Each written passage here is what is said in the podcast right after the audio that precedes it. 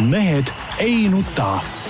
selle eest, et mehed ei nutaks, kannab hoolt Unibet, mängijatelt mängijatele.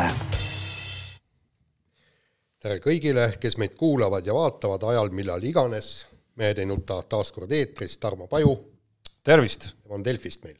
Peep Pahv Delfist ja Eesti Päevalehest. tervist!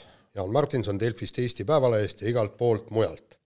Ma ei tea, mis teie vahepeal nüüd tegite siin, kes puhkas, kes piinas lapsi, mina käisin vahepeal Itaalias ja selgus, et viirus kaotab lõuna poole liikudes oma jõu ja ta ei levi enam nii kaugele, kui levib siin Eestis. sest meil oli ju kehtestatud kaks pluss kaks, mis tähendab kahe meetri kaugusel tuleb ennast hoida. jõudsin mina Saksamaale, suured plakatid kirjas, hoidke teineteisest ühe koma viie meetri kaugusele. et pool meetrit juba siis selle distantsiga nagu vähenes. Jõudsin Itaaliasse, seal oli üks meeter nõue ja, ja kusjuures itaallast ühe meetri kaugusele lükata, no see on, on praktiliselt võimatu. et maskide kandmine oli poes ko kohustuslik, müüja andis mulle teada, et tõmba kohe nüüd mask ette kenasti ja ja, ja, ja, ja kohe üks naisterahvas minu järel marssis poodi, mask kenasti ees ja siis kohe siis hakati, hakkasid nad musitama läbi maski, nagu neil on, eks kolm musi põskedele, kõik patsutamine, kõik niisugune käis, aga maskid olid ees. no kuidas, kas sul see habe ja vuntsid tuulitasid läbi maski välja või? ei, kujutad ette, tähendab tulen mina siis, jõuan siis Itaaliasse, olin siis seal lennujaamas igal pool oma maski kandnud, kõike, vaatan, habe absoluutselt viltuvad niimoodi siia kuskile ära kooldunud, mul läks tükk aega enne siiamaani minu arust. no ei, võib-olla küll, jah. ei no ütleme niimoodi, ja see maskis olles, see oli täitsa lootusetu ja, ja siis äh, seal Saksamaa lennujaamas, seal pidi ka maski kandma, siis lo loomulikult läksin kohvikusse, võtsin kohvi ja jõin seda topsi poolteist tundi, sest siis ei pidanud maski kandma. see on muidugi huvitav, kohvikus nagu viirus siis ei levi, et ei, ei. pea maski kandma, mujal peab, et noh, näitab kõik, kes paras pakasuhha ja, ja tegelikult nagu täielik lollus kuubist, et noh, mille, mille jaoks seda, seda siis ühes kohas peab kandma, teises kohas ei pea kandma. No kas mitte me ise, meie enda Atse kirjutanud Soome korvpallil käimisest, kuidas siis tribüüni sellel pool, mida telekaamera filmis, olid pandud Kastid, nagu kastikesed vahele, et näidata, et ja kui hästi me siin ikkagi korraldame võistlust ja vastutustundlikult, aga siis see teine pool tribüünist, kus kaamerad asusid, siis seal seda nõuet ei täidetud, nii et et see oli ikka pakasuhha tipp. ei, aga siin absoluutselt igasugust pas-, pakasuhhat, seal oli lennujaamas oli niimoodi, et, et istmed olid ka siis üle ühe istme oli siis nii-öelda lint oli peal, sinna istuda ei tohtinud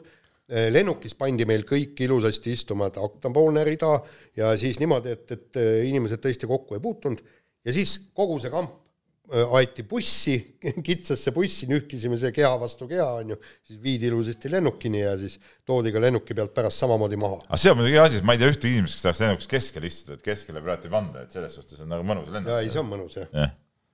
see on päris hull koht küll, eriti pikajalalistel muidugi. ei, aga laiaalgsetel no sa kujutad ette. õlgsetel just nimelt. õlgsetel, jah. kuule, kui kaks, kaks rägbimängijat on üks paremal, teine vasakul pool, sa oled seal keskel kuskil kitsas. nii, aga mis teil Eestimaal toimus siis? midagi põnevat? Tarmo, puhkasid, mõnus? puhkasin, mõnus. Eestimaa üks osa on natukene läbi uuritud, Saaremaa pool, Pärnumaa pool, Viljandimaa pool. soovitan sellist väikest linna, ei ta pole vist linn isegi või on nagu Tori näiteks, sealt läbi sõita, täiesti uskumatu, mis on, äh, kui hästi on üks äh, väike kohakene korda tehtud. ja, ja, ja just seal ma käisingi ja, ja. ja kui hästi soovitan ka sealt lähedal läbi astuda igasugustest vallamajadest ja muuseumidest, kus jagatakse erinevaid buklette, mis tutvustavad kogu seda Soomaa ja Viljandimaa ja Pärnumaa ja, ja ka Pärnumaa ja Virtsu vahelist, või ütleme, Pärnu ja Virtsu vahelist rannajoont ja kogu seda nagu piirkonda, et sealt sai ideid järele jäänud puhkuse ajaks küll, mida veel Pärnu, Pärnu ja Virtsu vahelise, ütleme selle äh, rannajoone sai eelmine aasta läbi sõidetud noh, sealt natuke eemal ka seal, mis oli see Lavassaare mingid äh, raudteemuuseumid mm -hmm. ja mingid värgid ja ei. mingid kunstijoone tudengite tehtud vaatetornid kuskil keset äh, rabasid ja, ja., ja sellised imelised kohad on kuskil seal, mis ootavad veel avastamist, et öö, täna on siin eetri vahendusel isegi Tori valla inimesi, kes on nii tublist, nii tublit tööd teinud, et tänu nendele avanes nagu see piirkond täitsa nii-öelda uuest, uuest kohast. ja Peep sinu lapsed jäid kõik terveks, keda sa piirasid? no loodame, loodame, et nüüd on paar puhkepäeva ja läheb jälle edasi. jälle edasi või La? laagrist taastumine pikem ei peaks olema või? kolm puhkepäeva, aitab küll isegi hästi. noh, nii lähme asja kallale. Lähme asja kallale ja räägimegi siis Ita- Itaaliast. sai käidud äh, Rally Albal, kus äh, Ott Tänak sõi- sõitis esimesed võistluskilomeetrid asfaldil. no ütleme, et Monte Carlo asfaltit ei saa päris asfaltiks nimetada, see on ikka talvised olud ja kõik. ja ta ise jäi, jäi muidugi selle sõiduga rahule, jäi Thierry Neville'ist kakskümmend pluss sekundit maha, aga, aga ise oli väga rahul ja ütles, et, et kõik ülesanded said kuhjaga täidetud ja rohkemgi täidetud, kui ta lootis. Mis tähendas seda, et seal sõideti siis kolm katset, kolm korda kõik läbi ja, ja tõesti viimasel äh, kolmel katsel ta kaotas Neuvilile ainult kaks koma üheksa sekundit. aga nagu ta ütles, et, et eesmärk oligi leida nüüd see seadistust, kus hakata edasi minema asfaltitestide ajal ja nüüd ta sai teada, et, et milline auto peaks olema ja nüüd hakkab peenhäälestus pihta ja kui me vaatame seda kaks koma ühe, kaks koma üheksa sekundit kolmekümne pluss kilomeetri peale, siis ausalt öeldes noh, see on hästi lootustandvel minu meelest.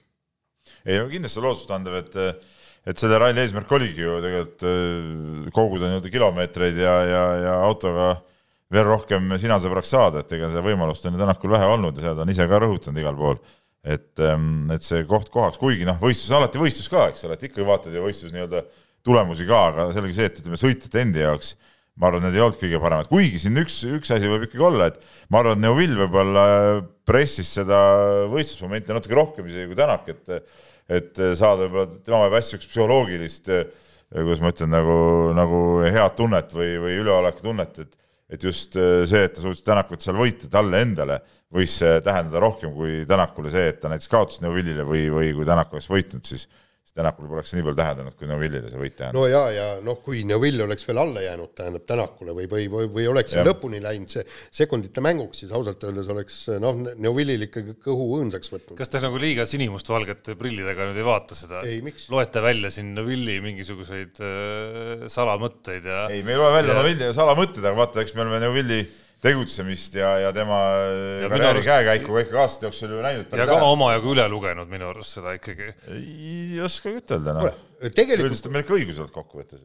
kui me hakkame praegu vaatama, siis tegelikult see on parimat aega Neuvillil eh, tulla maailmameistriks ei ole kui nüüd sel aastal. sellepärast, et põhikonkurendid ehk siis Tänak ja Ogier on mõlemad uue auto roolis, ehk siis nad peavad kohanema, täpselt sama ju eh, on Ogier, Ogier'l, kui ta läheb kuhugi asfaltteste tegema, kõik ta ju esimene kord üldse saab asfaltil selle autoga sõita. Neuvillil on ju seitse aastat on Hyundai's olnud järgmine aasta on ju öö, Ott Tänak ja, ja ka öö, Ogier on ju märgatavalt kogenumad. Nad teavad va- täpselt, kuidas see auto käitub. ja, ja kas nüüd või mitte kunagi on te tegelikult Neuvillil see asi eriti veel, kui nüüd tuleb see hooaja lõpp nii nagu tuleb, Nii nagu öö, kolm asfaltirallit, eks. Saksamaa, Belgia pluss Jaapan. jaa, aga no me räägime ikkagi ka miinus kahekümnest, mis tal on Ogier'ga nii-öelda ette ikkagi selleks äh, lõpuspurdiks, ükskõik kui, mida lühem see on, seda, seda väiksem see tegelikult on. No ja jaa. no tegelikult muidugi seda, seda suurem see vahe tegelikult tundub. ja ei no ja Jaanil oli muidugi õigus, mis ta Neuvilli nende võimaluste kohta rääkis, aga samas ei saa unustada, et Ogier eh, on tegelikult ju ka ikkagi väga hea asfaldisõitja ja Tänak ka on ju asfaldisõitja väga hea, kahekordne Saksamaa ralli võitja, eks ole, et siin ei ole nagu midagi rääkidagi. et, et eh, noh, aga nüüd on neil on võimalus veel siin ju enne Rally Estoniat eh, testida, tulevad Lõuna-Eesti rallile ka, et saab näha, kuidas see kruusa peal see nende omavaheline eh, seis hakkab olema ja, ja noh, ma arvan küll, et siin ütleme Eesti teedel peaks ikkagi Tänak olema selge soosik ja ma arvan, Tänak teab siin enam-vähem juba päris hästi, kuidas seda autot, ka seda Hyundai'd seadistada, küll aga, aga mulle tundub, et ega see Hyundai seadistamine ei lähe nii libedalt tegelikult, kui, kui võib-olla ütleme siin Fordi või, või Toyotaga läks, et, et kuidagi nagu tundub, et see kohanemine on olnud nagu raskem tegelikult. no jällegi, need rallimehed ei räägi, nad ei, mitte jutt ei käi ainult Tänakust, vaid keegi ei taha rääkida täpselt äh, nendest auto sõidetavusest, auto omadustest, kõikidest äh, nendest pisidetailidest, selle, selleks, et anta, antaks nii-öelda siis äh, teistele mingisugust infot või ma, ma ei tea, miks nad ei taha, no eks see- ja, ja no nii palju on välja tulnud, et et see Hyundai on öö, ehitatud hoopis teise ideoloogiaga, kui on öö, nii M-sport kui ka Toyota. ja, ja mäletate, öö, kui Toyo-, Tänak Toyotasse istus, ütleski, et see on Soome ralliauto, auto, mis sõidab kiirelt Soome rallil, eks, ja läks tükk, tükk aega, pool aastat läks, et ta saaks nagu igal pinnasel hästi sõita. Tead, päris pool aastat võib-olla läinud, et tegelikult Tänak ikkagi suutis Toyota suhteliselt kiiresti juba ju, ju panna ikkagi hästi sõitma. Et kiiremini kui, okei okay,, me ei saa praegu tunda ka see, et noh, vahepeal rallisid ei olnudki noh, et võib-olla sellepärast ka tundub see kõik see algus niisugune niisugune raske, raskepärane, aga, aga Toyota sai ta igatahes nagu päris, päris kiiresti minu arust äh, enam-vähem normaalselt liikuma. aga, aga sellepärast ei oska meie ja, ja ei, ei oska ka teised, tähendab, äh, kõik see Töötfisk, mis teeb väga head tööd äh, ralli propageerimisel, seal on tõesti spetsialistid on kohal, ka nemad ei ole kirjutanud, et milline vahe nüüd on Hyundai'l ja Toyotal, sõidetavuse vahe. aga, aga kui nüüd siit edasi minna, siis kuivõrd kindel on see, et Rally Estonia üldse toimub?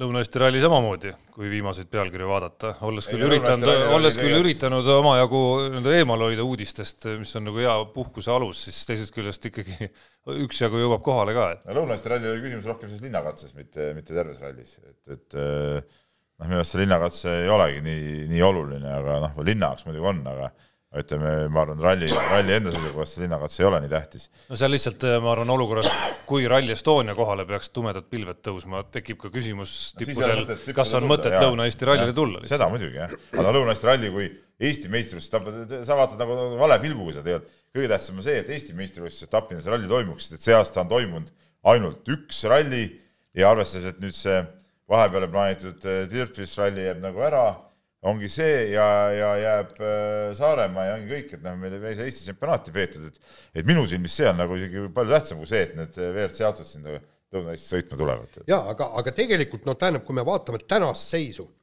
siis äh, ei ole mitte mingisugust põhjust äh, Rally Estonia ärajätmiseks. küll aga, kes siia kohale saavad tulla, vot see on nüüd küsimus sellepärast, et kohale tulla saavad ju kõik, aga peab tulema õigel ajal siia. jaa, ei, no tähendab, tulla saavad kõik, aga no selge see, et ei saa tulla ju äh, Belgiast või, või siis Hispaaniast ei saa tulla äh, inimesed otse, äh, ei saa, nad peavad neliteist päeva tänaste reeglite järgi. nojah, kui, nojah, et nüüd ongi see, et kuidas Neuvill saaks näiteks kas sinna Lõuna-Eesti ralli, kui ta sinna tuleb, siis, siis noh, kaks nädalat võib Eestis siin ka olla, et mis, mis kokkuvõttes, mis vahet on, kogu tehnika kõik on siin ju ega nad vaatavad, nad hakkavad seda siit Saksamaale oma baasi tagasi viima, siis toovad uuesti siia, et see on nagu ebatõenäoline, et kui rohkem aega läheb sõitmise peale, kui, kui seal muu peal läheb. aga kuidas, kuidas Neuvill Lõuna-Eesti rallile saab, see on nagu põhiküsimus. ja, ja mitte ainult tema, seal on ka teised, no täpselt sama ju Ogier Prantsusmaalt, eks. ja, ja ei, Prantsusmaa ei ole praegu punane riik ju. kas ei olnud või? mulle tundub küll, et mitte vaadake üle. vaatame kiiresti üle, aga, aga, aga, aga noh, ma arvan, et see ei ole ainus küsimus, Jaan, siiski, et noh, täna on see päev, kus rallipassid läksid müüki näiteks, on ju, et äh, ma arvan, näiteks selles osas äh, et üks asi on ralli toimumine, aga teine asi on see, et kas need rallipassid lõpuks inimestel käiku ka lähevad, need kuusteist tuhat või palju neid, palju neid läheb sinna, et äh, isegi kui need on jaotatud sektoritesse, erinevatesse kilomeetritesse, kurvidesse, siis eh, lõpuks sisaldavad nad ikkagi mingit riski, et kuskil need inimesed saavad kokku ja, ja nii edasi, nii edasi, et et ma arvan, et siin eh, karta on vähemalt eh, viimaseid arenguid vaadates, et, et nii lihtsalt see korraldamine ikkagi ei lähe. jaa, aga ma arvan, siin ei ole mõtet ka üle, üle mõtelda, et selles suhtes, et, et Prantsusmaa on see... punane, jah. on punane, aa okei okay., mulle tundus, et ei ole. aga mis on nagu probleem, on see, et, et kui, kui ei muudeta seda Äh, kuidas ma ütlen siis, reeglit, palju võib äh, välisüritusel rahvast olla. Äh, kui seda ei muudeta, siis ei ole nagu küsimust, noh, sest siis tuhande inimesega sa saad rahulikult ära majandada need asjad. et kui seda muudetakse, siis, siis on vaja juba Rally Estonia jaoks mingit erisust ja, ja noh, kas seda erisust antakse või mitte, on nagu omaette küsimus, aga no ma ei tea, kas see asi nüüd äh, selles suhtes, et kui me ise nagu siin äh, lolli ei mängi ja igast äh, debiilikud äh, ringi ei jookse haigetena, eks ole. jooksevad, nagu sa näed, jooksevad. nii hull ei ole, ma ei tea, kas see mees on juba vangi pandud või? No, see mees, ma saan aru, ei ole vangi pandud, sest ta, sest ta nii tublisti tegi koostööd terviseametnikega ja ei olnud tänu sellele isegi rahatrahvi väärt. no jaa, aga no aga see ongi nagu lollus kuubis, eks ole. kõik need, võtame teise asja, läheme korraks rallist välja. Need mingid Ukraina vennad, kes siia toodi haigetena, kes siis pärast ei täitnud seda Äh, karantiinireeglid, eks ole, kõik need põllumehed, kes neid sealt tööle ajasid ja jälginud seda, et nende äh, hoolealused ei jälginud, kõik need peaks saama karistada ju. Need ukrainlased kohe tagasi saata, eks ole, põllumeestele karistused peale, see on selge, see, see, vot nende asjadega peab olema range ja siis me ei pea nagu siin mõtlema, et kas me saame rallit korraldada või ei saa. no ja samal ajal äh, see oli eelmisel nädalal vist, käis meil siis korraga justkui nagu nii-öelda nakatumiste tõus on ju kuskil Vabankis ja hiljem selgus veel mingis teises Tartu öökohas on väikesed kolded tekkinud, kus vastutustundetud inimesed äh, aega veetsid, äh, üks isegi täiesti haigena. ja siis samal ajal riik ikkagi ju leevendas veel piiranguid ööklubidele, mis, mis, mis tundus nagu täiesti jabur ajal, kus meie juhtiv nii-öelda terviseametnik Irja Lutsar on ammu öelnud, et see on nagu ööklubide ja sellistes seltskondlike siseruumides viibimise äh, haigus eelkõige. et mul jääb nagu segaseks, mis, mis asja me siin täpselt nagu ajame praegu.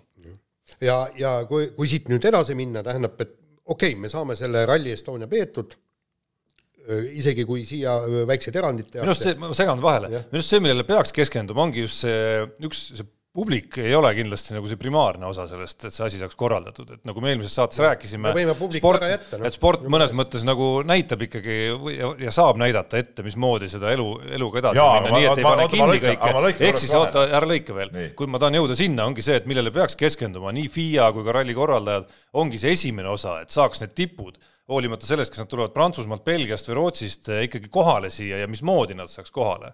ilma, et see, ilma et tingimata see neljateistkümne päeva reegel ja, peaks seal olema. just, ja, ja, ja me ei räägi mitte ainult WRC sõitjatest, me räägime ju ka eh, punkt üks tiimiliikmetest ja punkt kaks on kõik need eh, WRC kahte, kes sõidavad juunior WRC-d. loomulikult, no kui nad on samaväärsed sõitjad, ega siis see WRC üks ei ole tähtsam kui WRC kaks. Needsamad sõitjad saab võtta oma kodumaades juba jälgimise alla, teha regulaarseid teste, jälgida, kus nad on, tuua nad siia nii, et nad kokku ei puutu, et see, see on see protseduur minu arust, millega peaks kokku puutuma ja minu arust on see ka natukene see vist võib-olla, ma, ma loodan ja, ja pakun millele on siin vihjanud nii Sebastian Ogier kui ka Ott Tänak viimase aja väljaütlemistes, et äh, see on FIA suunal eelkõige siis, et FIA-l peaks olema kuidagi nagu vähe selgem see programm, mismoodi nad äh, oma ütleme siis nagu jutud jälle käima panevad, et vormel ühe osas nad nagu justkui nagu, justkui nagu näitavad eeskuju väga hästi, on ju, aga ralli osas on see kõik võtnud kuidagi väga kaua aega. kuule, seal Albas, seal ei olnud no mitte see ei olnud ju ei, selles suhtes nagu nõus, nendega nõus. seotud ralli, noh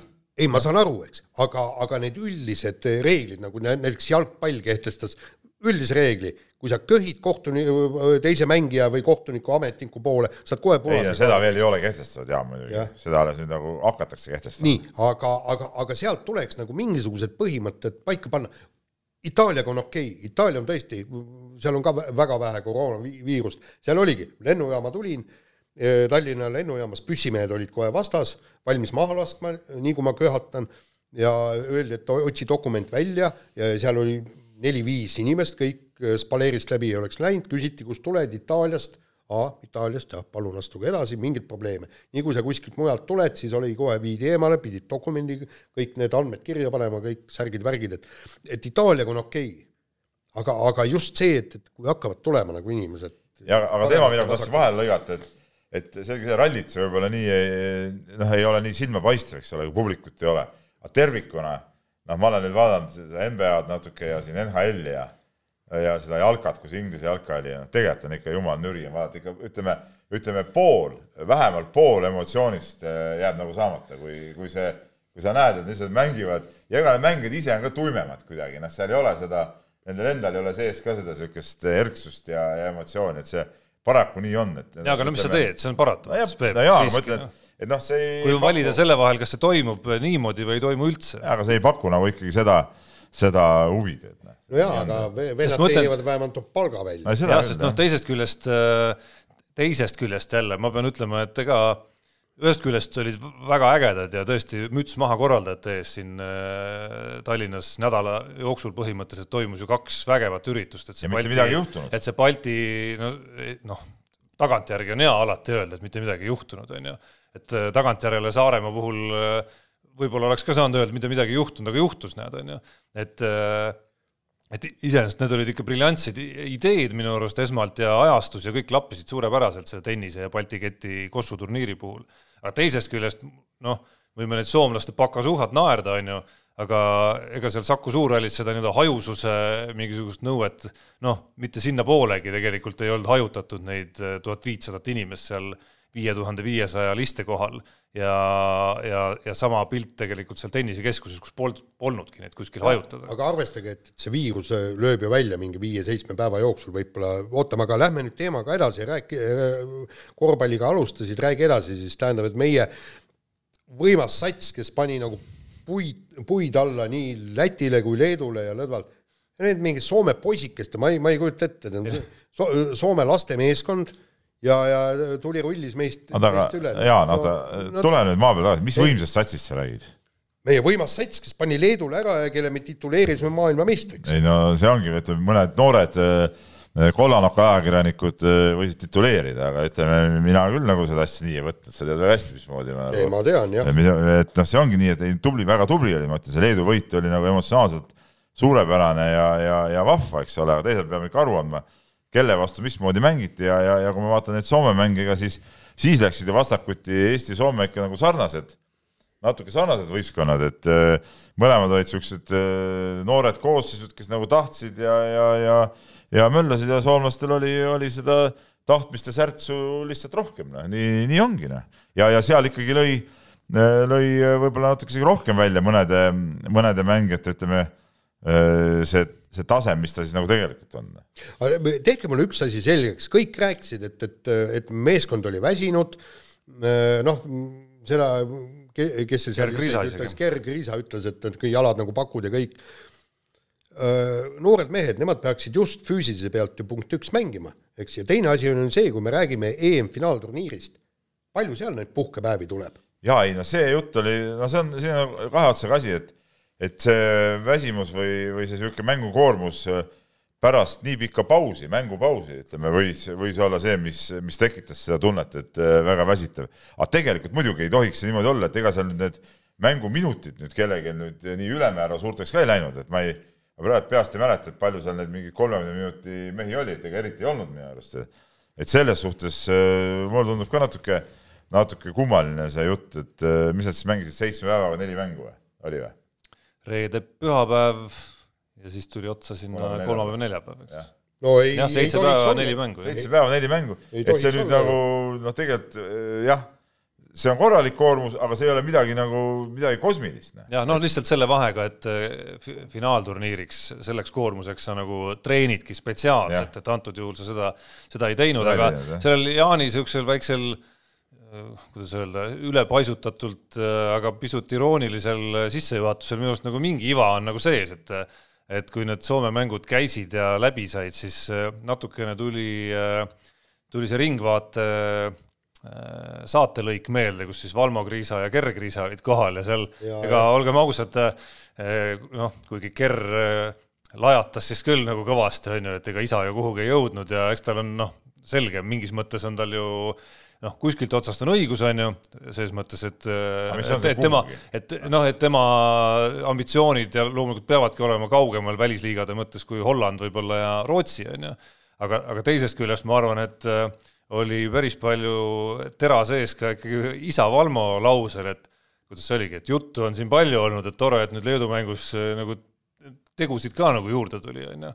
et, äh, et natuke mulle mulle nagu meeldis isegi, et see väike maa peale tulek seal Soomes ikkagi nagu aset leidis, et seda asiotaaži, eriti pärast Leedu võitu, seda tuli ikka nagu päris kõvasti. seda oli, oli liiga palju nagu seal ilmselgelt. ja, ja, ja, ja nendes Soome mängudes äh, olgu seal väsimuse faktorit või noh, ma ei tea, Jukka Toiala peatreener rääkis vähem väsimusest, aga rääkis rohkem ikkagi sellisest trennis juba näha olnud mingisugusest sellist nagu jalas sirgeks laskmisest ja, ja pigem just sellisest äh, natukene pilvedesse mineku kirjeldus oli seal natukene peatreeneri juttudes sees.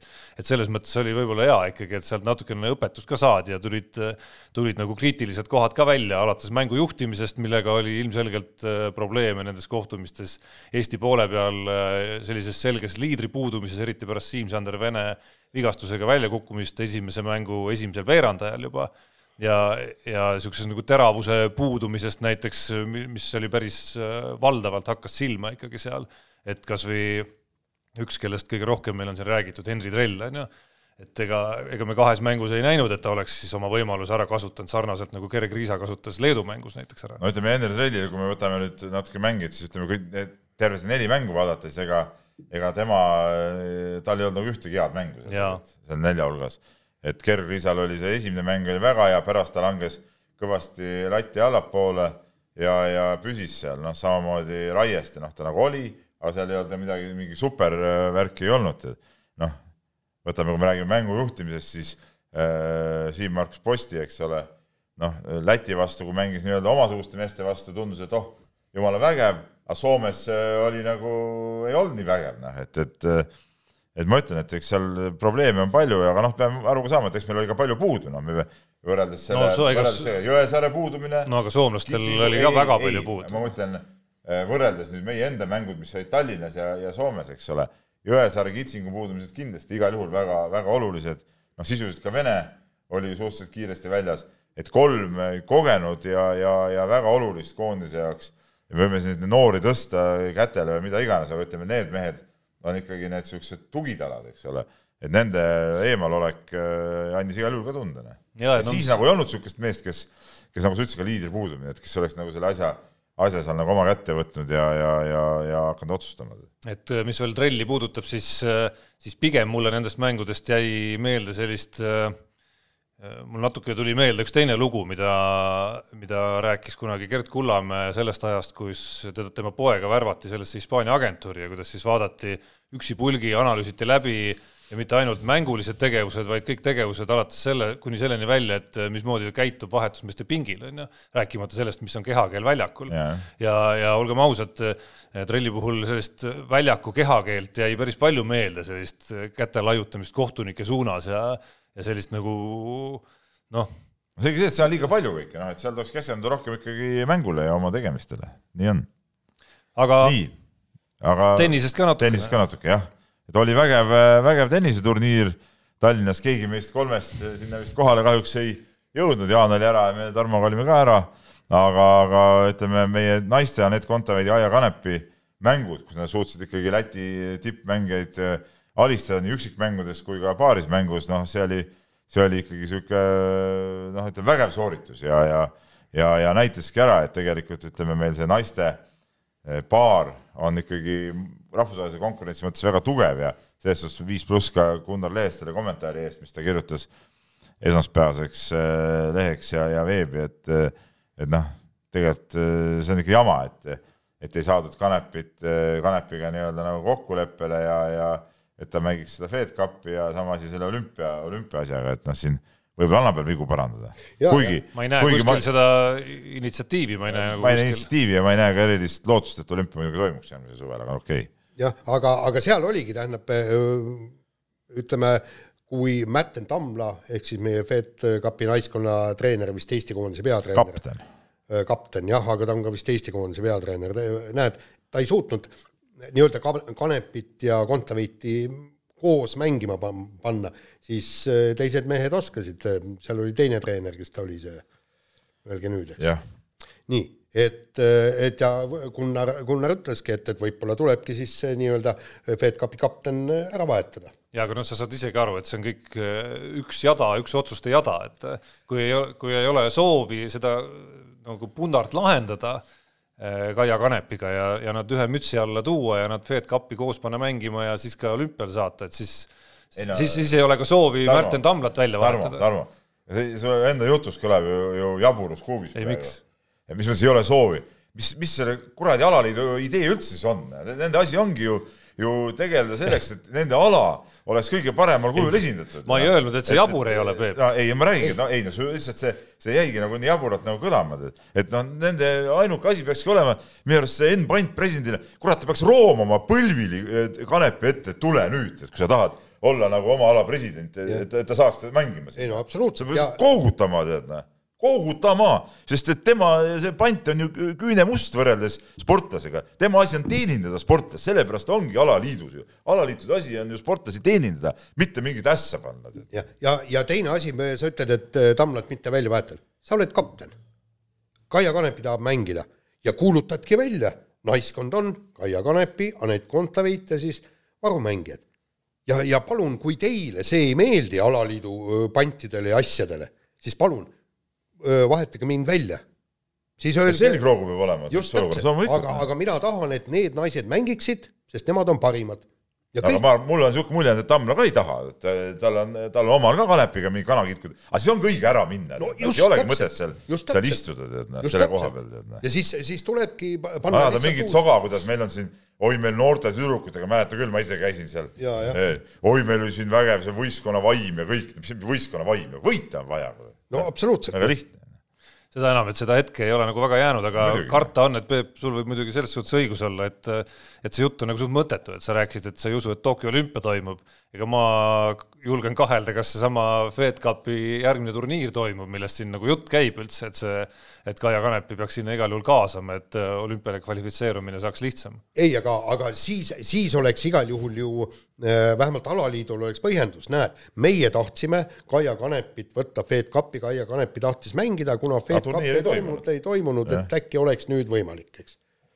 Mis veel sellest äh, konkreetsest turniirist, siis üks äh, nagu, nagu tore või positiivne osa, mis sellel oli ja mis, mis kindlasti on seotud sellega, et et noh, nagu siin eelmise teema juures sai mainitud, et või ralli teema juures, et kasut-, kasutati ära nagu ideaalne hetk üldse, kus, kus võib-olla ainus hetk ajaloos, kus sellist turniiri saab sellisel kujul teha, oli see, et et kui näidisturniirid tihti on nagu sellised noh, no natuke nagu show ja tehakse seal mingeid trikilööke ja, ja mingeid nalja vahepeal ja nii edasi ja nii edasi, onju. et siin me nägime ikkagi, et äh, asi läks vahepeal isegi nii teravaks, et, et üks lätlannadest pidi ikkagi nagu kohtunikega tõsise sõnasaja ette võtma ja sai hoiatusi, onju. et, et mängijate nagu olek oli ikkagi selline, et siia tuldi nagu päriselt mängima seda maavõistlust. No,. aga see on, vaata, aga muidu see maavõistluste formaat ongi tänapäeva sellises kommertsspordis nagu hakanud ära kaduma, vaata kus vanasti olid ka kergeatleetikas, liit USA, liit Saksa TV, eks ole, ma ei tea, need siuksed vägevad maavõistlused, omal ajal Balti turniir korvpallis, see oli sama tähtis kui liidukad põhimõtteliselt ju noh. No, no, väga-väga oluline turniir oli, eks ole. et, et need on kõik nagu ära kadunud ja nüüd ütleme praeguses koroona äh, varjus on saanud neid nagu taaselustada, see Balti ketiturniir ka ju põhimõtteliselt nagu, nagu vana Balti turniir korvpallis, eks ole. et ja, ja see tennise maavõistlus ka, et, et noh, tegelikult mõnes mõttes võib-olla see sport vajab niisugust restarti, et see see kommerts ja õudne raha tagaajamine ainult ja, ja selle põhjal võistluse tegemine, et, et see on nagu ära hävitanud, ütleme, need niisugused nagu, nagu väärtuslikud asjad, mis ikkagi, ikkagi lätlastega pead maavõistlust, siis see on väärtuslik tegelikult ju noh, see on kõige tähtsam asi, lätlastele ära panna no.. ja aga siit on ju kõrvalt näha ju meie naabritel, Soome-Rootsi kergejõustiku maavõistlus, see ongi neile maailma kõige tähtsam asi. Ja praegu on ju, kui sa Soome meediat loed et noh, et kuna on, Rootsi on niisugune pandeemiariik, siis praegu käib kõik, et kuidas saaks selle võistlust korraldada, seal on ju tribüünid täis ju rahvast no,. pungis, sest, sest äh, tõesti, nagu sa ütlesid. aga see on nagu, see Soome-Rootsi on niisugune erandlik nähtus, et, tegelikult on see, äh, olgem ausad, on need maavõistlused on, on nagu kadunud või niisugused huvitavad võistlused tegelikult. Noh. jah, aga, aga, aga tuleks tõesti taastada paljudel aladel ja tõesti, kes need on niisugused lätlased, loomulikult tuleb neile ära panna. no loomulikult, see, see on kõige tähtsam, on naabrile ära panna siis vaatame edasi. just. jätkame kiire vahemänguga, ega meil aega väga palju ei ole, peame tõesti kiirelt tegema ja laskesuusakoondise peatreener Indrek Tobreluts, aga ta ei ole pelgalt peatreener, vaid ta on ka endine tipplaskesuusataja, läheb Eesti kergejõustiku meistrivõistlustele tuhande viiesajas meetris alla nelja minuti jooksma ja nagu siin on kirjutatud, loodetavasti läheb tal paremini kui koondis, koondislasel Tuuli Toomingal, kes ratsavõistlustele läks ja seal kukkus. no temal jah, seal takistussõidust, äh, takistussõit muutus rodeoks, nagu ta ise ütles. just, aga, aga vot siin, siin on mulle, mulle nüüd üks väga-väga niisugune oluline küsimus. kuidas saab olla niimoodi, et, et tippsportlane, ühe ala tippsportlane läheb tegema ekstreemset ala, pannes sellega äh, nii-öelda okei okay,, kui meil oleks mingi Venemaa laskesuusatamine, kus on üks, üks mureb jala, pole probleemi, võtame järgmise. meil on ju näputäis neid sportlasi. meil nagu neli naist üldse ongi põhimõtteliselt. meil neli naistust ongi, me peame praegu võitlema selle nimel, et saada olümpiale, olümpiakohti ju jahtima, et kõik nii. ma mäletan, olin aastaid ja aastaid tagasi, käisin Ameerika ülikoolis vaatamas, kuidas seal pesapallitreeningud on, kõik nii, ja seal oli range reegel, kaks kuud enne hooaja algust kuni hooaja lõpuni ei tohtinud ükski pela, pesapallur tegeleda ühegi teise spordialaga ka treeningul, treeningu mõttes, ilma loata ja seal oli siis, mis ameeriklastel on lihtsalt niimoodi ta, tavaks seda Ameerika jalgpalli lihtsalt viskavad, püüavad kõik noh, niisugune fun, lihtsalt täi-, täiesti vabal ajal. Ja nii kui nähti Pesapallur viskab Ameerika jalgpalli ja siis oligi, ma ei mäleta, kümne, kümme miili pidi ta seal ümber selle väljaku jooksma, teised tegid trenni, tema jooksis. ja, ja see on nii, nii, niivõrd rangelt piiritletud no, määratud. kas sa natukene sääsest selles mõttes elevanti ei tee, et esiteks on, esiteks, esiteks on laskesuusa hooajani rohkem aega kui kaks kuud. kuule, murrad oma luud ja kondid seal. ja, ja teiseks, ega nüüd, ega nüüd ratsutamine nüüd päris sinna nagu ohtlike alade nagu A-nimekirja ka nüüd ei lähe päris siiski. kukkuski maha see tobus sellest. ei no ta kukkus jaa, aga see ei ole siiski nüüd nagu nii sage asi ratsutamisvõistlustel. kui sa oled ikka vähe kogenud ja veel valisel mingisuguse eriti perutava hobuse ka, siis siis seda kindlasti, aga, aga tead, me juttu läks tegelikult Dobrelutsust lahti, et et Dobrelutsu see osalemine ei ole midagi üllatavat, et ta on ju üle neljakümne aastast Eesti rekordeid jooksnud seal nendel distantsidel, et, et ma arvan, et see ongi vägev, vägev spordimees ja kui me ütleme, et jooks on üldse südamelähedane, et ta on ju laskejooksu maailmameister, kui ma õieti mäletan. on jah. ja, ja aga äkki peaks püssi selga võtma ja jookseks kiiremini võib-olla. aga teine asi on see, et, et see üli kaovad kõik eest ära, ma arvan ülivõimas, kui ta muidugi medali võtaks. ei no kuule, ei ärme nüüd äh, lolliks lähe. ei no miks me, miks me ja Tuuli Toomingas ja, ja teisedki laskesuusatajad äh, lähevad, kuule, meie Eesti keskmaajooks on ju noh, Peep, sina tead ju kergejõustikut, kas, kas meil on üldse Eesti keskmaajooksu praegu?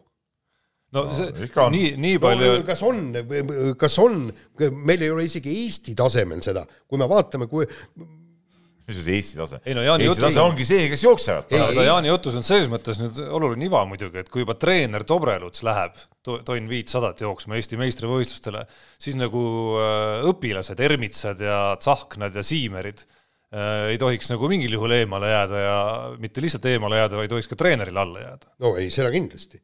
tõsi, Siimeril no, siis, oli seal oma plaan ka siiski. Siimer on muuseas, äh, on ju võitnud ju ta oli, kas ta äkki U, U kakskümmend kolm või, või U kahekümne või U kahekümne kolme ikka jah, kas ta mitte ei tulnud äh, tšempioniks või? muide, vaatasin just seda, ähm, see, seesama võistlus, kus kus jooksis see no, Therese Johaug Norras ja. jooksis ja vaatasin huviga protokolli. see oli mingi täiesti müstiline arv, seal oli tuhande viies, seal oli Ingebrigtsenid jooksid ka tuhat viitsadat. ja ma vaatasin, seal oli, oli kas kaheksa või kümme jooksu, kujutate ette see, see oli noh. eks okay. ole, noore, noored olid ka seal hulgas. jaa, aga näidake mulle, palju seal on, viisteist, viisteist venda saab ju startida tuhandes viiesajas umbes, noh, kaksteist, viisteist venda, jah. ja, ja, ja, ja neil oli kaheksa kuni kümme jooksu, noh. see, on meie jaoks on ju täiesti mõistetamatu no. me ei saa ühte jooksugi kokku. nii, nii, aga vahetame teemat, läheme võrkpalli ja ikka tagasi koroona juurde, ehk siis äh, võrkpallikoondis jättis Poolasse minemata Poola koondisega mõõtu võtma, see on juba vana uudis tänase seisuga, aga võib-olla huvitav jätk sellele oli eh, meil endal Eesti Päevalehes ilmunud lugu selle otsuse anatoomiast, ehk siis sellest, mismoodi mängijad ikkagi sisuliselt viimasel tunnil või viimastel tundidel, öötundidel enne varahommikust starti eh, ja lennureise selle otsuse ikkagi tegid. et päris, päris huvitav sissevaade oli see ja, ja öösel siis Poola võrkpallikoondise legendaarne peatreener Vital Heinen selle kõne sai ja pärast oli siis väga pahur, et A, et eestlased loobusid ja B, et, et ööune ka veel ära rikkus. no ütleme, meest tuleb mõista, selge see, et niisugune asi jääb vihaseks, kui lubatakse tulla ja, ja ei tulda ja veel niimoodi viimase hetke ära öeldakse, et, et selles suhtes võib tast aru saada, võib aru saada ka nendest meie võrkpalluritest, kes, kes ei läinud, noh et mis sa ikka lähed, kui seal oli, seal oli asjad, numbrid olid läinud üles ja, ja noh ja otseselt nagu noh, see ei olnud nagu hea variant sinna sõita. aga ütleme niimoodi, et näiteks jällegi, kui vaadata ookeanitagust äh, äh, värki, siis äh, seal on ju niimoodi, et äh, okei okay,, seal sa ei saa ühel hetkel öelda, et vot nüüd ma ei taha enam edasi mängida või, aga seal on niimoodi, seal on minu meelest Ameerika jalgpallis anti üks nädal aega ja mäng, mängijad siis võisid otsustada, kas nad, kas nad osalevad hooajas või mitte ja, ja seal olid teatud reeglid olid ja, ja kui sa ütlesid, et jätad hooaja vahele, maksti seal viiskümmend tuhat dollarit sulle, et sa saaksid ikkagi süüa, osta natukenegi. ja, ja siis seal on kõrge terviseriskiga sportlastel, kellel on astma, kellel on ülekaal ja muud asjad, neil olid siis, maksti kolmsada viiskümmend tuhat dollarit, no kes on nii-öelda riskigrupp, eks. ja, ja siis noh, seal oli ka erinevad võimalused, kuidas siis seda hooaja, järg, järgmised hooajad, et kas sul on leping või ei ole, kõik, aga, aga sportlane on see, kes otsustab. siin ei saa ikkagi mitte midagi ei ole teha ja kui võrkpallurid leidsid, et ei ole õige minna, noh, siis nii ongi. sportlane peab saama õiguse otsustada oma tervise üle. nii, aga äh, sportlastel ei lasta kõiki asju otsustada, et vehklejad teadupärast on väga häälekad äh, sportlased, kes äh, ütleme, armastavad iga punkti järel, no kas iga, aga ütleme, paljude punktide järel karjuda, röökida, emotsioone välja lasta, siis nüüd on see keelatud. et enam ei mingit karjumist, vaikuses. kuigi, kuigi neil maskid on ka justkui nagu juba nagu alast tulenevalt olemas jaa, aga need maskid on muidugi ju, need ei ole ju hermeetilised loomulikult. ega neil jah, FFP kolm ega kaks parameetritele ei vasta. see mask ei hoia mitte midagi. ei, selge see, me oleme, me oleme kandnud seda maski. mäletate ikka meie legendaarset vehklemise. ja, ja minu arust see, see otsus on muidugi, äh, võtab teatud äh, võlu jälle vehklemiselt ära. ei, kindlasti. sest minu arust see emotsioonide näitamine oli, oli nagu üks osa vehklemisest ja, ja no me oleme Jaaniga suhteliselt palju vehklemist ka vaadanud, eks ole, et see kuidagi noh, see käis selle juurde ja me oleme nagu harjunud sellega. no pluss mulle tundub see, olles noh, Peep, nagu sa tead, pigem selline nagu nagu ma siin saate alguseski olin natuke kriitiline siin mingites kohtades, kus vaadatakse läbi sõrmede mingitele reeglitele. ei sa oledki kurre välja karjunud. seda räägib, seda räägib mees, kes, ma tuletan meelde, mis karantiinis sa elasid siin mõnda aega. loomulikult. et, et, et olid oluliselt minust äär, äärmuslikumas karantiinis. sa oled pessimist, kes aga, on karjunud halba välja. ei, karjumisest pole, on asi ikkagi nagu kaugel. aga olles ühest küljest nagu selline, kes arvab, et, et, et võiks nagu mingid re-, no kui, kui mingid reeglid on, võiks neid täita ja mitte neid vastuolusid tekitada, nagu meil praegu on siis nagu justkui nagu on levik tõusuteel, aga ööklubides on igasugused piirangud ära kaotatud, siis mulle tundub see nüüd nagu natukene nagu absurdi minek seal, see vehklejate matši aegse tegutsemise nagu piiramine kuidagimoodi, et et kui juba see matš toimub, kui juba on nagu, me oleme jõudnud nagu sinnamaani, kus me oleme toonud terved vehklejad kohale võistluskohta, võistlusrajale et nagu seal hakata piirama seda, et mis häälega, mis suunas nad tohivad äh, üldse nagu vaadata ja rääkida ja häält teha, siis see tundub mulle absurdne Ab. absurdi on muidugi, absurdi tipp oli muidugi Eesti ujumistšempionaat, mis eile algas Tartus ja kus on nagu selle koroonaga seoses on teateujumised äh, ära jäetud no.. ütleme ala, kus nagu ütleme äh, ka teateujumises, ma ei tea, arvatakse, et annavad teadet edasi või kokkupuude on null. et noh, see on nagu samal kergejõustiku teatejooksude tsempionaat ju toimus Pärnus siin mõned nädalad tagasi, kus ütleme, anti kas või mingit pulka edasi ja ütleme, on see ohud palju surmad, et, et mõnede alade juures tõesti minnakse täiesti nagu debiilsusteni välja, tead, mis nagu ei ole põhjendatud. küll ma olen sinu poolt. vehklejad puutuvad ju rajal ka kokku siiski no,, olgem ausad. muidugi, no muidugi. veel rohkem kui muidugi, see distantsilt karjumine. et aga küll ma olen sinu poolt, muidugi, ööklubid kinni, see on selge, sellega ma olen sinuga nõus, et ma ei vaidle sulle vastu, aga, aga lihtsalt sa oled nagu pessimist, see on nagu kõige hullem asi nii, võtame järgmise teema ja Rally Estonia korraldajad lubavad nii-öelda metsavendadele, kes proovivad kuidagimoodi sinna rajaserva saada ilma piletita, vastu võtta tõsised meetmed et mis siis nüüd tehakse, et soolapüssidega või? no küsimus ongi no, nagu väiksed, ma arvan, mingid püünised üles metsades. Need karu, karurauad karurauad, no jääd kinni, jääd kinni. ei no vaata, peenemad, need, kes, kes ei ole päris nagu raudadega, on ju, on ju ka igasugused silmused, mis saab ehitada seal. astud sisse, siis pärast ripud puu otsas, eks ole. ja ka enne õhtut, ega enne õhtut keegi päästma ei tule, vaata. ei, vaata ise, kuidas saada, kui on kõhulihased tugevasti, tõmbad ennast üles ja pussnuga kaasas saad läbi selle köia, pehmete lihastega vend, siis saa, no väga lihtne. aga ei noh, tegelikult ehm, noh, selge see, et nende vastu tuleb, tuleb võidelda, et, et aus mees ikkagi soetab pääsme, läheb vaatama, aga teisalt jälle noh, mina ei usu, et nad suudavad kogu seda rada niimoodi ära julgestada ja kokkuvõttes noh, kas seda ongi võimalik üldse teha, noh et ja, ja, ja kas, kas keegi saab mulle keelata või, või ma ei tea, vot ma ei tea, kuidas see, kuidas seal on, kui hakata nagu mingit nagu jonni ajama et kas otseselt saab keelata mul keegi seal kuskil metsas liikumist? no näiteks, metsas ei saa, aga raja äärde no, ilmumist ikka saab. ei, ei, ütleme nii, ütleme nii, äh, on mets ja näiteks mingi, lähen läbi metsa, kus ma olen jalutanud, on mingisugune karjamaa või, või lagendik. jah, mustikakorv on käes nii, näiteks. ja tee läheb sealt viieteist meetri kauguselt läbi. no kuidas saab keelata mul seal olla? no vot, hea küsimus. Surma Aava käest küsime. kuulake nüüd natukene. sealsamas ralli albal ju, seal oli niimoodi, et, et keelatud oli selle ralli reklaam. kuskil mingit silti välja ei olnud, kuigi lehed olid jutte täis, kõik rajakaardid olid olemas, koduleheküljel rajakaardid. korraldaja ütles, et ärge palun ja- raja äärde, äärde tulge, ärge pik-, piknikku pidage. aga politseil ei olnud mitte mingit õigust äh, inimest raja äärest ära ajada. mitte mingit õigust, tal ei olnud, õigust ei ole ja, ja täpselt siin ka. kes mul keelab minna äh, metsa marjule ja mustikale?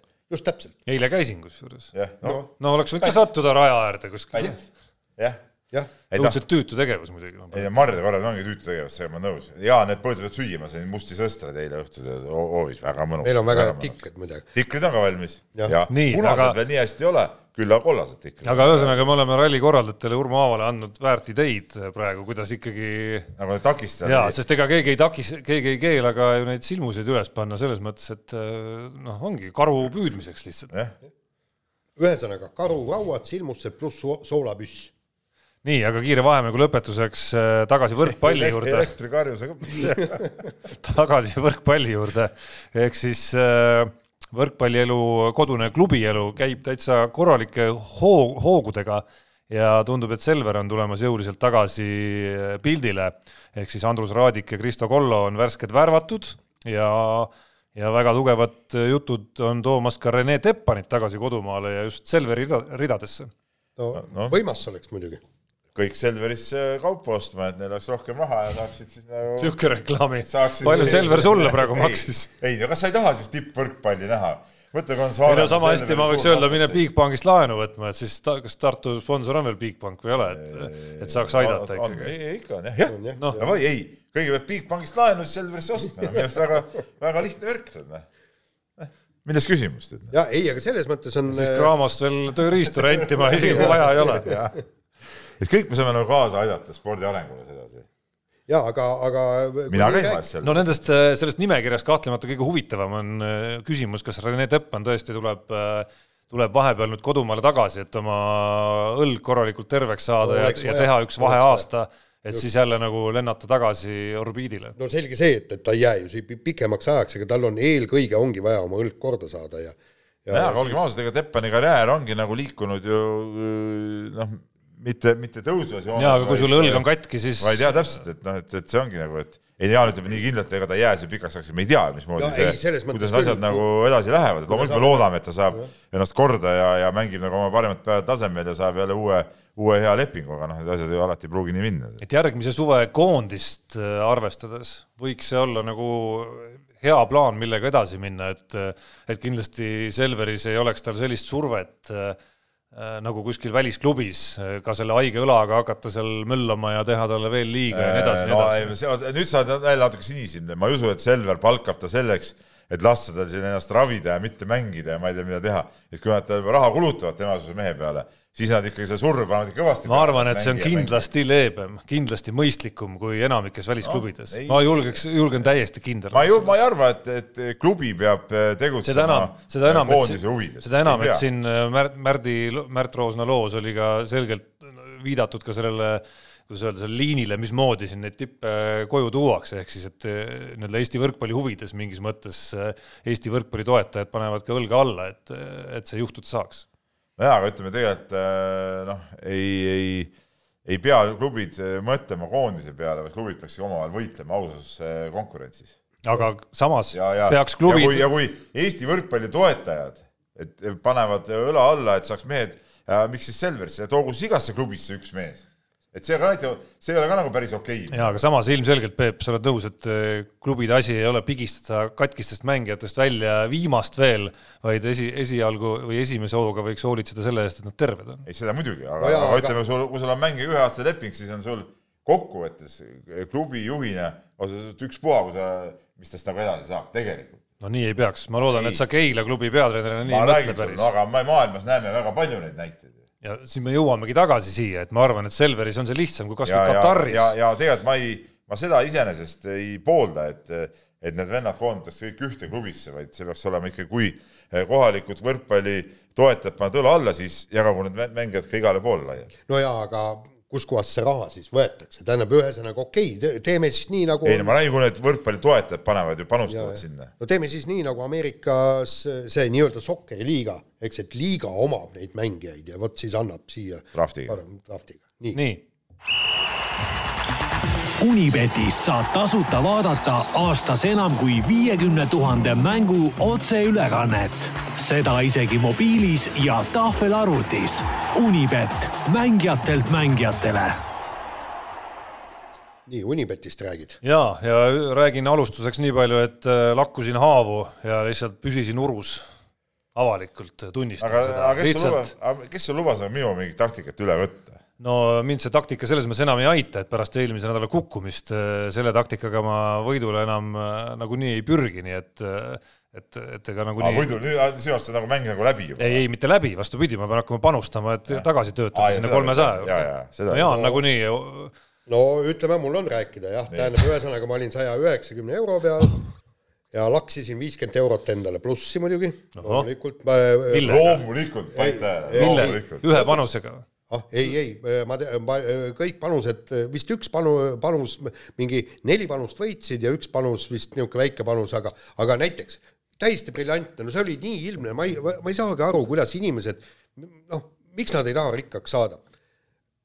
Charles Leclerc kas pääseb poodiumile või ei pääse, eks ju ja koefitsient oli väga hea ja see oli, miskipärast anti mulle võimendatud koefitsient, koefitsient oli umbes neli ja, ja panin viis eurot ja see oli ju selge, selgemast selgem, et Valter Potase rehv Ref läheb katki. viimasel mm -hmm. ringil katki, ta kukub kümnendaks, tänu millele Leclerc saab poodiumile. see oli ju nii ilmselgelt, see oli juba enne sõitu no, oli täpselt näha. Jaan no,, ära häbista ennast rohkem. Lähme palun kirjade juurde. sealt tuli kakskümmend eurot. no tõesti, palju õnne, mis su saldo on siis praegu? kakssada nelikümmend Lähme palun kirjade juurde. ma nii, ei, nii palju veel ei lähe, et, et meie värske eripanus on ka üleval ja tennise karussell läheb edasi ja täna õhtul Delfi TV-gi on Anett näitamas Anett Kontaveidi mängu Palermos äh, Maria Patricia Tiigi vastu ja siis äh, mehed ei nuta eripanusena võib leida väikese võimenduse sellele, et Anett võidab selle mängu settidega kaks-null, koefitsiendiga kaks koma null. see on päris hea koefitsient muideks. no vastase, vastase nimi muidugi juba viitab, et eh, Liival võib olla tegemist päris ohtliku tegijaga. just, aga tegelikult teadmata temast eriti palju. kuidas Kontaveit mängis Ostapenko ja Sevastova vastu, noh, ütleme niimoodi, et, et tasub panna ikkagi tema peale. ja ei ole kindel, kas me täna õhtul seda mängu näeme, ta on neljas mäng ja mängud algavad seal päris õhtu hilja on tema mäng, jah ja, ja. ja.. kui siis niisugune kella kümne paiku ma pakun välja nii, ja lähme kirjade juurde. rumeenlannast, rumeenlannast maailma kaheksakümne viienda numbriga on siis Arvan. tegemist lihtsalt nagu harimise mõttes inimestele. et ei tohelda, ma ütlen, ma haaran siit eh, kohe kirjakasti, avan ja Tamm Tamm, meie vana kirjasaatja on saatnud jälle huvitava küsimuse ja kirjutab nii. Eh, et Rally Estonia korraldajatel on paralleelselt töös erinevad plaanid, kindlasti on kõik läbi arutatud ja nii valitsuse kui WRC promootoritega, aga tal tekkis sellega seoses kaks küsimust. et ehm, noh, ta toob siin näite, kuidas vormel ühes Sergio Perez haigestus, toodi kohe asendussõitja ja, ja kõik oli korras ja ta küsibki nii, et milline tippsõitja, äh, mitme tippsõitja puudumisel WRC etapp Eestis endiselt toimuks, näiteks kui Ožeer ja Neville hangivad endale koroona nagu peres ja nad ei saa startida, kas siis võistlus üldse toimub, sest sel hooajal on tippsõitjaid ainult neli, Ožeer, Evans, Neville ja Tänak. ma arvan, et ikka toimub, kindlasti toimub see. aga, aga no vot, see, siin on tegelikult on väga valus küsimus, väga valus küsimus, kuna nüüd tuleb ju neid MM-rallisid okei okay,, pärast äh, Rally me, me räägime praegu Rally Estoniast, et kui, kui näiteks äh, okei okay,, Toyotal äh, on võib-olla seal vähem neid sõitjaid, aga Hyundai'l on sõitjaid ju küll, Neville kukub ära, tuleb, tõstavad uue venna asemele ja, ja, ja sõidavad ja, ja ega see ei ole nüüd küll põhjus, miks ära jätta, et ja, kaks, kui seal ei teki see, et, et nad on kokku puutunud seal mingite väga paljudega ja ja et terved tiimid saavad bännida, siis on, tekib juba see küsimus, kas see rallit saab üldse just, seal on, seal on ka mitu taset nii-öelda, üks asi, mis tundub nagu lihtsam, on see, et tõesti keegi neist äh, nakatub koroonaviirusesse, et seda juhtuks äh, noh, tundub kuidagi elementaarne, et, et sa ei jäta sellepärast rallit ära ja, ja, ja see asi, asi ikkagi toimub ja sõidavad need, kes on terved, on ju. aga kui näiteks nende tulek jääbki nagu reeglite taha lihtsalt, lihtsalt sellepärast, et see on punane riik kaks nädalat seda ei ole võimalik kuidagimoodi mõistlikult teha, vennad ise loobuvad, et kust piirist ühel hetkel ikkagi hakkab FIE vaatama, et oot-oot, see läheb nagu veidraks, kui maailma tippudest Ott Tänak saab ainult võistelda. ja see, see on õige, aga, aga, aga mida nad teevad ka siis, kui näiteks äh, tõesti, kui need hakkavad järgmised rallid päris tihedalt peale tulema ja, ja keegi, keegi tippsõitjatest ei no,, ei mis hästi, seal ju tekib kohe, no ma ei tea, kuidas teistes riikides see lahendatud, aga Eestis on ju, ju näiteks võtame need Türgid ja Belgiad, kõik on ju punased riigid ju et, et seal on need äh, kahenädalased, äh, me Jaaniga juba arutasime, et noh, et kui me peame minema, et noh, et igane jama tekib sellest ju igatepidi, tead noh. et, et, äh, et seal tekib ka sõitjatel see, ma arvan, et igal riigil on oma need, ma arvan, need mingid reeglid ju tehtud. et seal nagu sellega tekib paras, paras jura tegelikult. paras, paras jama. aga Tamm Tammil on siin teine küsimus veel samal teemal ja ja, ja ta märgib ära, et WRC etapi toimumise läheb palju maksumaksja raha, ralli peaks toimuma noh, neljas-kuues september, kui näiteks augusti keskel selgub, et etapp ei saa toimuda, siis, siis küsimus, et palju sellest kahe ja poolest miljonist eurost riigile alles jääb, kui, kui see etapp ei toimu? No.. näiteks, ta toob, ta toob näite, et näiteks WRC promootorile, alaliidule makstav raha peaks alles jääma ning kindlasti veel mingid kulutused saab jätta tegemata või on see korraldajatele ja WRC promootoritele garanteeritud sissetulek? no vot, seda täpselt ei tea. see on päris huvitav küsimus tegelikult, see on päris huvitav küsimus tegelikult jah. et, äh, et see võib noh, noh, ma ei tea, võib või, või kas ta mõjutab, aga see võib mingil määral mõjutada ikkagi seda valitsuse otsust, et kas, kas kui see raha nagunii on läinud, eks ole, et siis võiks ju tõesti mingeid eri äh, asju siin nagu välja nuputada ja mingeid noh, läbi, läbi selle sammuse asja ära teha, eks ole, aga kui on võimalus, et raha siis ei kulu ka ja rahva tervis ka nagu säilib, noh siis võidakse võtta mingid teistsugused ja no vaata, see, selle koroona jama juures on ju see halb asi, et, et need tiimid on niivõrd suured, on ju, eks, ja siin on hästi palju rahvast, kui me rääkisime, räägiksime ainult sõitjatest, siis ei oleks probleemi, neid testi kas või iga päev, eks. aga, aga just, et kogu see tiimiliikmed, see on see probleem. Äh, ja, ja kirjutab meile siis järgmise kirja Pukk ja küsimus on väga lihtne. kas teist keegi MotoGP-d ka jälgib? Kui jah, siis oleks hea teie arvamust kuulda, kas ja miks on see põnevam kui vorm, vormel üks. ei viitsi enam ise sõpradele seletada, nad ei kuula mind, äkki teid usuvad. mina võin öelda, mina MotoGP-d jälgin ja võin äh, Puki sõnu. ma võin öelda, oota, ma segin vahele, ma võin öelda, et ma ei jälgi, aga tean, et see on põnevam kui vormel üks äh, ja ma võin sõnu igal juhul kinnitada, sest ma poole silmaga olen ka vormelit jälginud ja see vormelis ei ole tõepoolest mitte midagi jälgida, küll aga MotoGP-s äh, jälgida ja see hooaeg on ju on ju väga huvitavalt eh, alanud siin Mark Marquesi esimese etapi kukkumine, vigastus, ütleme nagu mängust väljas. Valentino Rossi, vanameister, teisel etapil poodiumil, eks ole. poisike võitis kaks esimest ja kaks esimest etappi, ma isegi kirjutasin välja, et mul see äh, Quart- äh,, Quartararo on ta, Fabio Quartararo on ta nimi et väga hästi hääldasid. ja et ma ei, ei suutnud seda niimoodi kohe peast öelda, aga väga vinget on võitleda, seal intriigi on nagu kõvasti. Ja sõidud, mis on põhiline, seal ju kohad vahetuvad, mis nagu vormelis ei juhtu. seal ju, ega seal ei ole nii, et keegi seda mingi, ma ei tea, poole tunniga eest ära teeb, noh. seal ikka pannakse tsikkel tsiklis ja, ja see on ikka äge vaadata. Ja mulle jubedalt meeldib see MotoGP. Mina võimalusel ma alati vaatan seda, kindlasti on ta minu jaoks huvitavam kui, kui vormel üks nii. oota, kiirelt, kiirelt ütlen ja. selle asja ära, et, et iga võistlus maailmas on põnevam kui vormel üks ei no absoluutselt, no kui viis esimest ei, ma olen nõus, Jaan, ma arvan, et Eesti tuhande viiesaja meetri jooksu meistrivõistlused saavad olema, ma vaataks seda igal juhul äh, parema meelega kui vormel ühe etappi praegu, kus siis esiviisikus tõesti nagu noh, juhtub ainult siis, kui keegi äh, rehv lõhkeb või, või katkestab mingil muul juhul. aga teadlane Priidik on küsinud ka meie käest niisuguse küsimuse, ma ei tea, meil on päris vähe aega, et kas me jõuame selle sügavalt vastata, aga et siis Tallinnas, äh, Tallinnas toimus nelikümmend aastat tagasi Moskva olümpiaregatt ja ta küsib, et milline on teie arvates kaheksakümnenda aasta OM-iga kaasnenud kõige positiivsem asi Eesti spordile, mis ei mõju avaldama veel aastaks või aastakümneteks, see ei pea tingimata olema käegakatsutav ese või hoone? hästi keeruline öelda, aga ma kujutan ette, et näiteks see sinna nii-öelda me, meie puretamine sai ka seda kaatrid, värki, niisugust materiaalset baasi sai kindlasti ääretult palju. ja, ja mina arvan ikkagi, et, et no küllap see taristu ikka oli ka oluline taristu, ja mitte ainult sporditaristu, vaid, vaid kogu linna ülesvuntsimine. jaa, aga seal taristus hakkas ju li, liidu korvpallikoondis käis seal ju ja ma tahtsingi öelda, et minu arust see Pirita olümpia purjespordikeskus oli ikkagi kaheksakümnendates, see oli ikka elitaarne, elitaarne spordibaas ju tegelikult ja, ja see sporthotell, mis seal oli, eks ole, et seal ju käidi ju laagrites ja, ja tehti asju, seal olid ju spordisaalid ja asjad sees ka, et, et, et mina arvan, et ikkagi just see, aga kas ta nüüd praegu enam mõjutab meid niimoodi, see on muidugi omaette asi, aga tol, ütleme tollel ajal seal ütleme kümmekond, võib-olla rohkemgi aastat, see oli ikkagi see oli ikka väga suur asi. ja, ja kusjuures Eesti sport sai ju nii-öelda spordikomiteelt endale ju vastutasuks igast asju küsida, sest kõik tahtsid ju siia nii-öelda läände tulla treeninglaagritesse, eks. ja siis öeldi okei okay,, aga ja, ja siis sai nii ühtegi teist välja nii, aga pressida. me nüüd rääkisime nii pikalt ära, me rohkem kirju ei ju võta, et täpselt niimoodi kümme sekundit on jäänud, et kuulake meid kuulake meid ja tervitame. ilma, jah, ühesõnaga kuulake mehi ja muid mehi ka. mehed ei nuta saate tõi sinuni Unibet, mängijatelt mängijatele